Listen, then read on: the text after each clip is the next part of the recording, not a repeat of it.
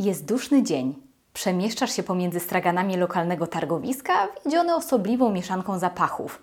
Trafiasz w końcu na stoisko z perfumami. Twój wzrok zatrzymuje się na tym, co niby znajome, a jednak nie do końca. Chantel, Bucho Hoss, Fendo, Lacrosse i Fomi Pilfinger, Louis Vuitton i wiele innych przedziwnych hybryd. Na ziemi rozłożony koc, a na nim stosy wszelkiej maści produktów projektantów. Tylko problem w tym, że żaden z nich nigdy nie wyszedł spod ich ręki. Jedne wielkością logo chcą udowodnić pseudoluksus, a inne próbują zbliżyć się do oryginałów, ale przeszkadzają im w tym krzywe szwy. Miło mi z Wami rozmawiać w kolejnym odcinku podcastu Freakery, bo na wstępie muszę przyznać, że zawsze wtedy, kiedy zamykam się w swojej garderobie i mówię do mikrofonu pomiędzy butami, wyobrażam sobie Was po drugiej stronie – i pamiętajcie, jeśli podoba Wam się podcast, będę przeszczęśliwa, jeśli go ocenicie na Spotify. Jeśli jeszcze się nie znamy, nazywam się Joanna Hoffman, a to jest podcast, gdzie rozmawiamy o historii mody i nie tylko. Spragnionych obrazów, kolorów i masy modowych zdjęć zachęcam do odwiedzenia kanału na YouTube, gdzie raz w miesiącu pojawia się nowy odcinek. Ale właśnie, wracając do odcinka.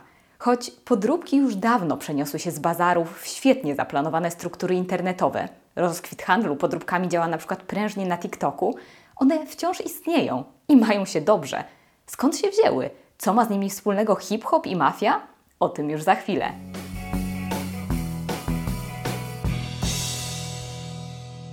Moda jak cygaro. Wraz z przyspieszeniem produkcji w różnych sektorach przemysł odzieżowy dotrzymywał kroku, od XIX wieku oferując w miastach coraz większe ilości dostępnej od ręki odzieży, pojawiającej się w coraz szybszych cyklach. Dla przykładu w XVII wieku mówiono o sukni roku, co niedługo zmieniło się w suknię sezonu. A kiedy moda stawała się coraz bardziej dostępna, szerzej następował podział na ready to wear i haute couture. Pojawiała się jeszcze większa potrzeba manifestowania, kto stał za danym projektem i oczywiście własnej pozycji. Bogactwo materiałów to jedno, ale w szczególności słynne nazwisko to co innego. Było jak podpis na obrazie. Miejska legenda mówi, że zwyczaj wszywania metek w ubrania narodził się w XIX wieku sposobem wziętym od producentów cygar naklejających etykiety mające wskazywać towar premium. A moda? Choć nie ma na to jednoznacznych dowodów, za pierwszego projektanta, który wszył metkę ze swoim nazwiskiem, uważa się Charlesa Frederica Wortha. Dokładniej nastąpiło to w okolicach 1860 roku. Worth był przez wielu nazywany ojcem od couture, choć jak udowadniał przykład Piotr Szaradowski, jest to znaczne uproszczenie. Niemniej, to właśnie Worth stał się powszechnie kojarzonym nazwiskiem, symbolem dostępnym jedynie dla najbogatszych. Nie bez powodu to on zaprojektował słynną suknię elektryczność dla Alice Vanderbilt na słynny bal z 1883 roku. Nie istniało nic ponadto. Świat mody i my, jako konsumenci, wydajemy się być uzależnieni od świstka materiału wszytego w spodniej części ubrania. Metka bardziej intymna niż logo, a na niej kilka liter symbolizujących przynależność do sekretnego klubu. Z jednej strony to wyznacznik statusu, ale też łącznik z historią i całą encyklopedią skojarzeń z daną marką. I przez lata te skojarzenia kiełkowały w różne strony. Dla wielu logo Chanel, Dolce Gabbana czy Louis Vuitton, mimo bogatej historii domów mody, właśnie przez masowe podrabianie zaczęło się dewaluować, zahaczać o kicz. Często również przez podróbkową logomanię rozbuchaną do granic absurdu. Z drugiej strony, metki marek bardziej niszowych były jak hasło dostępu do świata, gdzie wstęp mają tylko nieliczni. Wiadomo, że tutaj trzeba wspomnieć o Margieli, który odwrócił się napięcie od logo i używał białych metek. To wszystko znowu wraca nas do rozważań, które snuliśmy przy okazji Quiet Luxury. O tym, że moda od zawsze była środkiem używanym do hierarchizacji i jeśli czyimś celem jest aspirowanie do bycia postrzeganym jako osoba majętna, często za wszelką cenę chce pokazać, na co wydała pieniądze. I ta aspiracja przecież nie dotyczy sieciówek, prawda? Metkę z tanich ubrań wielu jest w stanie wyciąć, ale drapiący luksus, no tego już nie. Jak wspomina Susan Jerome z Historic Textile and Costume Collection, przez metkę i logo chcesz powiedzieć ludziom, że jesteś określonym typem osoby. Narodziny podróbek. A co gdyby wyglądać z daleka luksusowo, nie wydając na to tylu pieniędzy, a że źródło nie takie? E tam. Ale odkładając żarty na bok, z czasem, kiedy moda uległa również uproszczeniu, a coraz większa liczba ubrań mogła być szyta szybciej, w większych ilościach w powstających masowo szwalniach, metka również zaczęła mieć coraz większe znaczenie. Rozróżniała miejsca powstania, wspominała o materiale, jasne, ale była też stemplem wartości. Pomagała budować oparte na skojarzeniach z luksusem imperia. Tu warto zaznaczyć, jak szczególnie od początków XX wieku zmieniło się postrzeganie projektantów. Obrastali mityczną sławą, stawali się też masowo rozpoznawalni. Logo, metka zapadały w pamięć, tworzyły wieczne przywiązanie do marki. Wielu uważa, że Coco Chanel była z kolei pierwszą współczesną projektantką, która zdała sobie sprawę z tego, jaką siłę rażenia ma logo, co było mistrzowskim zagraniem, zresztą jednym z najczęściej kopiowanych. Nic dziwnego, że niemal od początku znalazło się wielu chętnych, żeby ten znak, metkę, logo, projekt kopiować, zupełnie jak fałszerze dzieł sztuki czy biżuterii. W 2014 roku Fashion Institute of Technology zorganizowało wystawę Faking It – Originals, Copies and Counterfeits, czyli sztuka udawania, oryginały, kopie i podróbki. Ariele Elia, odpowiadający za organizację wystawy, wspominał, że pogoń za metkami i podrabianie, a przy tym walka projektantów z podróbkami są tak mocno z modą związane, że czas na wystawę. Przenieśmy się więc w czasie, to co lubimy najbardziej. Jest rok 1913. Paul Poiret, nazywany w USA królem, we Francji Le Magnifique, zwiastuje nadchodzące w modzie zmiany miłością do orientalizmu. Ale właśnie będąc w USA solidnie się zirytował, odkrywając podróbki swoich projektów wraz z metkami. A to wszystko sprzedawane po marne 13 dolarów. Słynna projektantka Madame Vionnet w latach dwudziestych przegrała z masowym podrabianiem jej niezwykłych, misternych ubrań. W 1923 roku używała nawet odcisku kciuka, aby uwierzytelnić swoje metki. Opracowała nawet bardzo skomplikowaną technikę wyszywania koralikami, podobno nie do podrobienia. Cóż, myliła się. Nic nie powstrzymało zdeterminowanych kopistów. Dior używał oznaczeń widocznych w odpowiednim świetle. Inni nie wpuszczali prasy i szkicowników na pokazy mody. To wszystko na próżno. Tak długo jak istniała moda, tak długo istniały podróbki. Jean Lanvin była pierwszą projektantką, której projekty były dostępne w katalogach. Suknie można było zamówić i otrzymać pocztą. Efekty mierzalne w podróbkach można było sobie wyobrazić. Problem ekskluzywności, mówiła historyczka Alexandra Palmer, zaczął się, gdy tylko pojawiły się konkretne nazwiska związane z projektami couture. Dodajmy do tego coś jeszcze. Rozumienie kwestii prawnych, jeśli chodzi o modę, od zawsze znacznie się różniło pomiędzy krajami. Na przykład w latach 30. powstała w USA gildia umożliwiająca zarejestrowanie swoich projektów, ale została niedługo rozwiązana, bo rzekomo ograniczała wolną konkurencję. Nie będziemy zagłębiali się w meandry prawa, ale kopiowanie projektów było przez lata dość trudno uchwytne ze względu na użyteczny charakter odzieży. Czym innym było opatentowanie przez Levi'sa wzmocnionych nitami kieszeni, a czym innym zakazanie produkowania jeansów w ogóle. Tak samo czym innym byłoby wszycie metki Chanel, a czym innym uszycie różowego kostiumu z bukli o bardzo podobnej formie. O czym już za chwilę. O tym, jak kopie uratowały modę. Cały świat zmienił się po II wojnie światowej. Moda oczywiście też, nie tylko pod względem sylwetek, ale też tego, w jaki sposób była konsumowana. I tu pojawiło się coś bardzo ciekawego. Udzielanie przez domy mody oficjalnych licencji na szycie projektów przez podwykonawców. Po kosztach. Wszystko wydaje się kontrowersyjne, ale jeśli dobrze się zastanowimy, to sprawiło, że francuskie nazwiska niosły się po świecie, a projekty couture stawały się bardziej dostępne i utrwalały pewne sylwetki masowo. Powszechnie uznaje się, że był to jeden z zabiegów podnoszących przemysł modowy z kolan po wojnie. Ale przy tym był to początek równie masowego podrabiania odzieży. Cytowany wcześniej Ariele Elia wspomina, Bertov Goodman zaczął kupować od 80 do 100 egzemplarzy projektów w każdym sezonie, aby stworzyć licencjonowane kopie dla swoich amerykańskich klientów. Zatrudnił wysoko wykwalifikowane szwaczki, aby wykonać identyczne wersje oryginalnych ubrań. W podobnym duchu działał dom towarowy Orbach, sprowadzając próbki couture z Paryża za kaucją na 6 miesięcy. Projekty oryginalne prezentowano obok kopii w celu zilustrowania wierności reprodukcji i oszczędności. I tak kostium Chanel oryginalny kosztował 350 dolarów, a kopia 37. I choć kopie też były szyte na miarę, szycie ręczne od A do Z zastępowały maszyny, redukując koszty o niemal 70%. Tu możemy na chwilę zatrzymać się przy rozważaniach, skąd różnice w cenach. I właśnie w ten sposób Kupno oryginału, mimo dostępnej tańszej wersji, było samo w sobie symbolem luksusu i statusu. I choć sam zamysł szycia kopii, jeśli bierzemy pod uwagę ekskluzywność, może wydawać się dziwny, pomógł odbudować świadomość i pozycję dotyczącą paryskiej mody. Plan Marszala obejmował też przemysł tekstylny, modowy, wiedząc jak ważny kulturowy i ekonomiczny aspekt niosą. Przy okazji zaczęła się swoista wymiana pomiędzy amerykańskimi i francuskimi projektantami. USA promowało Paryż i samodzielnie umacniało pozycję, a Paryż udostępniał projekty i cieszył się wznowionym zainteresowaniem. Na wspomnianej wystawie poświęconej podróbkom można było przeczytać na przykład tweedowy kostium Chanel z 1966 roku, jego kopia wydają się być identyczne, ale po bliższym przyjrzeniu się widać, że konstrukcja została uproszczona, żeby rzecz była tańsza. Autoryzowane kopie skutkowały również dalszym fałszerstwem. Pozbawieni skrupułów handlarze sprzedawali próbki couture do nowojorskich producentów, co powodowało kolejne nieautoryzowane kopie, które również były kopiowane i tak dalej, i tak tworząc spiralę spadku jakości bez żadnej kontroli. Historia najsłynniejszego różowego kostiumu. Kiedy słyszycie Chanel, macie pewnie skojarzenia instant. A Chenino Dopóki ktoś nie interesuje się modą, prawdopodobnie nie kojarzy z terminem zupełnie nic. A Cheninon było miejscem na Manhattanie zaopatrującym wszystkie znane Amerykanki, w tym Jackie Kennedy.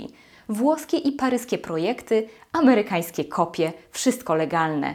Sklep został otwarty na Madison Avenue w roku 1928. Założycielki, czyli Nona McAdoo Park i Sophie Meldream Shonard bywały na wszystkich ważnych pokazach, a później wpisywały się we wspomnianą gałąź amerykańskiej mody, czyli kopie line by line, czyli kropka w kropkę. Chenino płaciło domom mody za udzielenie licencji, a później zlecało szycie po kosztach. Sami projektanci dostarczali czasami nawet materiały i guziki. I dochodzimy teraz do najsłynniejszej klientki Sheninon, czyli Jackie Kennedy. Jej styl jako pierwszej damy budził emocje, był nowy, świeży, zupełnie inny od poprzedniczek. Niemniej krytycy wytykali jej upodobanie do luksusu i zakupy w Europie. Sheninon było więc idealnym rozwiązaniem. Jackie miała w ten sposób rękę na pulsie najlepszej mody, ale przy tym wspierała rodzimy przemysł. Sprytne, prawda? Różowy kostium, który Jackie miała na sobie w Dallas w roku 1963, stał się rozpoznawalnym przez większość osób kodem popkulturowym. Splamiony krwią po zastrzeleniu prezydenta stał się też symbolem końca pewnej ery – Wiele osób błędnie na skróty nazywa kostium Chanel, choć była to, tak jak wspomniałam, kopia. Oryginał zadebiutował na wybiegu, co prawda, w roku 1960, a różowy kostium Cheninon był podobno jednym z ulubionych prezydenta Kennedy'ego. Sam poprosił, aby założyła go w Dallas właśnie. Kostium jest obecnie przechowywany poza zasięgiem publiczności i pozostanie w ukryciu co najmniej do roku 2103. Jeśli istnieje jeden przedmiot, który oddaje przemoc, jaka wybuchła tego dnia, jak i poprzedzający go przepych i sztuczność, będzie nim zakrwawiony różowy kostium Jackie Kennedy, kuszące okno na sławę i modę, jej urok, stalowe nerwy, rzeczy, które o niej wiemy i rzeczy, których nigdy się nie dowiemy.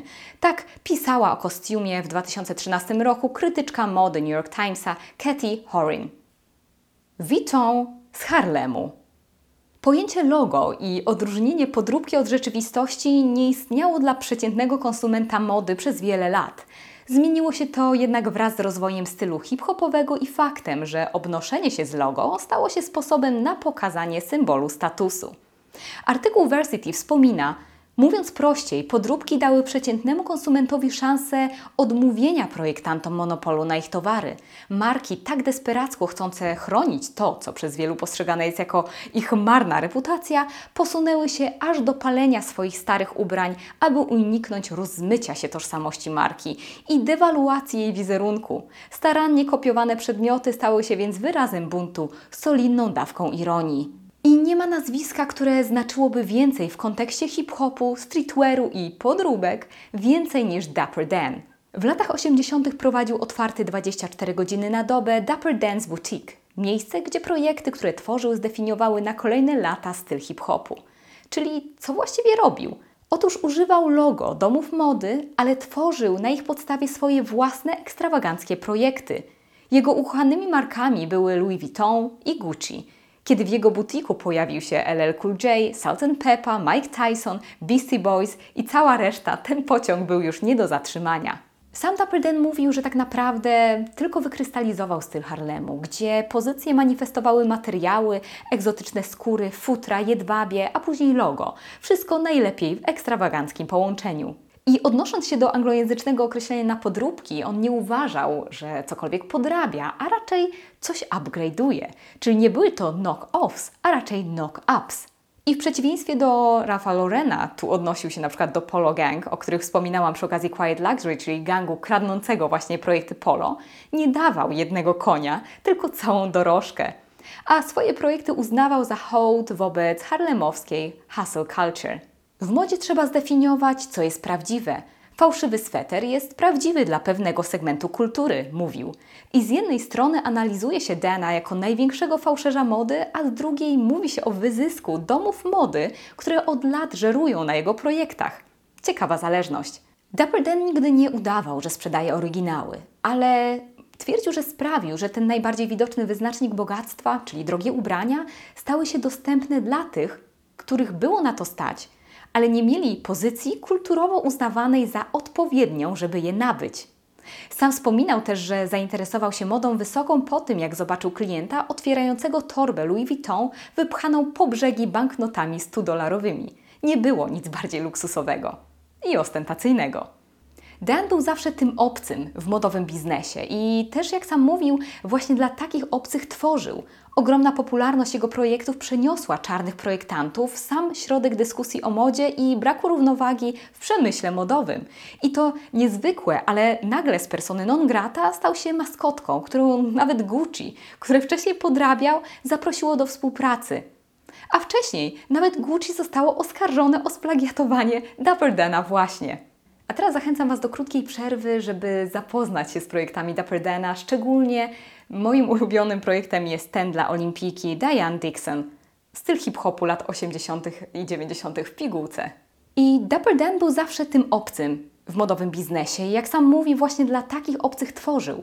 Ogromna popularność jego projektów przeniosła czarnych projektantów w sam środek dyskusji o modzie i braku równowagi w przemyśle – i to niezwykłe i ironiczne, ale nagle z persony non grata stał się maskotką, którą Gucci zaprasza w 2018 roku do współtworzenia kolekcji. Choć wcześniej nachodziła go policja. I co ciekawe, nawet Gucci bywa teraz oskarżane o splagiatowanie projektów Dana. Bucho Hoss i mafia. Dla niektórych tańsze linie domów mody, np. DKNY, Donny Karan, Cheap and Chic, Moschino, współpracy projektantów z sieciówkami są pewnym sposobem na ograniczenie podróbek, jednak bezskutecznym. Moda stara się sama z siebie drwić, na przykład poprzez współpracę Balenciaga i Gucci, czy logo w pewnym momencie pojawiające się na wybiegu Gucci pisane przez Y. I lata 90. przez rozwój masowych mediów stały się czasem it, it bags, dresses, girls – i po drugiej stronie minimalizmu stała logomania. Emblematy domów mody stały się teraz znane niemal każdemu i zdawał sobie z tego sprawę Lagerfeld, wprowadzając pod koniec lat 80. logo do kultowego modelu torebki Chanel. Przez globalizację skończyły się czasy oficjalnych kopii. Prócz tego, że masowe media pokazując na przykład sławy noszące logo robiły najlepszą reklamę, stało się coś jeszcze. Zaczął się złoty czas podróbek. Nikt nie musiał starać się, aby zdobyć egzemplarze z Paryża, żeby je otrzyć. Wystarczyła telewizja, a wkrótce internet. Każdy detal mógł zostać namierzony, zbliżony i skopiowany. Od lat 2000 zaczęto notować rekordowe liczby podróbek, w tym super podróbek, wytworzonych z tak samo jakościowych elementów, czasami nawet w tych samych fabrykach, ale poza oficjalnym źródłem. Często wskazuje się również powiązania pomiędzy organizacjami przestępczymi a ogromnym rynkiem podróbek. Roberto Saviano w swojej książce Gomorra wspomina o mafii. Siła robocza mafii jest wysoko wykwalifikowana, poparta dziesiątkami lat doświadczenia u najbardziej znanych europejskich projektantów. Te same ręce, które kiedyś pracowały dla dużych marek, teraz pracują dla mafii, co oznacza, że ubrania produkowane przez mafię nie są typowymi podróbkami, tylko właśnie rodzajem super podróbek. Brakuje tylko ostatniego kroku oficjalnego zezwolenia domu mody. Co ciekawe, New York Times pisał ostatnio o tak zwanym szarym rynku, który czerpie korzyści z różnic w cenach pomiędzy krajami. Klient w Europie zapłaci nieco ponad 2800 dolarów za Sac de Jour i Saint Laurent, ale w Korei Południowej ta sama torba będzie kosztować ponad 3700 dolarów. I firmy takie jak Satire działają na zasadzie dropshippingu, czyli kiedy ktoś kupi produkt, jest on dopiero wysyłany od dostawcy w Europie do klienta w USA czy w Azji. I firmy te zarabiają na różnicy cenowej. Rzeczy są oryginalne, ale nie są sprzedawane na podstawie oficjalnych umów z domami mody i wszystko powoli zaczyna wymykać się spod kontroli. No dobrze, a skąd te wszystkie koszmarne, ale przy tym przezabawne nazwy? Ja sama jestem ich smakoszką, typu Chantel zamiast Chanel i można snuć wiele teorii, w tym to, że ewidentna podróbka jest jak wyśmianie samego siebie, nim ktoś zażartuje. Taki trochę pastisz, luźne nawiązanie, niezłośliwa próba odtworzenia jeden do jeden. No i cóż, w wielu krajach zmiana nazwy i logo nie zakrawa już o ściganą prawnie podróbkę. Jakaż część konsumentów jest zachwycona widokiem obalania i wyśmiewania ikon korporacyjnej władzy, krótko mówiąc, istnieje na to rynek, napisała o podróbkach Naomi Klein. Podrabiane przedmioty nie tylko stwarzały okazję do nawiązania kontaktu z towarami designerskimi, ale też do podważania i wyśmiewania konwencji i cech, które definiują współczesny luksus. Podróbki dały przeciętnemu konsumentowi szansę odmówienia projektantom monopolu na ich towary. Christine Bateman wspomniała, Ironiczna podróbka, a także wywrotowa idea podróbki w ogóle bawią się pojęciami luksusu, klasy i sposobu, w jaki konsumujemy modę. Reklamowano wiele podróbek jako sposób na demokratyzację mody i stylu dla mas. Niechęć do podróbek była zawsze obecna wśród tych, którzy próbowali utrzymać hierarchie klasowe i rasowe. Przez podróbki prysł nieuchwytny czar wielu marek. Skoro może mieć je każdy, po co wydawać tyle pieniędzy? I skoro wszystko jest przefiltrowane 100 razy przez social media, wygładzone, śliczne, ostentacyjne podróby są dla niektórych jak niepoprawny żart na scenie, na który każdy czekał na rozluźnienie atmosfery. Znane marki traktują podróbki jako ogromne, przynoszące straty zagrożenie. Inne mają je za najlepszy marketing, jeszcze inne uważają je za formę rozwijającą rynek mody, zachęcającą do ciągłego rozwoju i ochrony swoich projektów. Internetowe aukcje, a ostatnio sprzedaż na TikToku galopują na niespotykaną wcześniej skalę. Obejmują modę, ale też często niebezpieczne dla zdrowia kosmetyki. I śmieszno strasznym przykładem na to, jak trudno czasami w zalewie informacji i produktów odnaleźć dowód na to, czy coś jest oryginałem, czy też nie, jest chociażby przypadek wystawy w samej Met, gdzie niektóre z egzemplarzy projektu Vivienne Westwood okazały się być nieautentyczne, co potwierdził sam Andrew Bolton. I cóż, zostawiam Was więc z rozważaniami, bo wygląda na to, że to tyle w tym odcinku podcastu Freakery. Jeśli przypadł Wam do gustu, będzie mi przemiło, jeśli go ocenicie. Dobrze było podjąć Was z wirtualną herbatą. Jak zawsze jestem bardzo ciekawa Waszych opinii. Miejcie się wspaniale i do usłyszenia lub zobaczenia w kolejnym odcinku.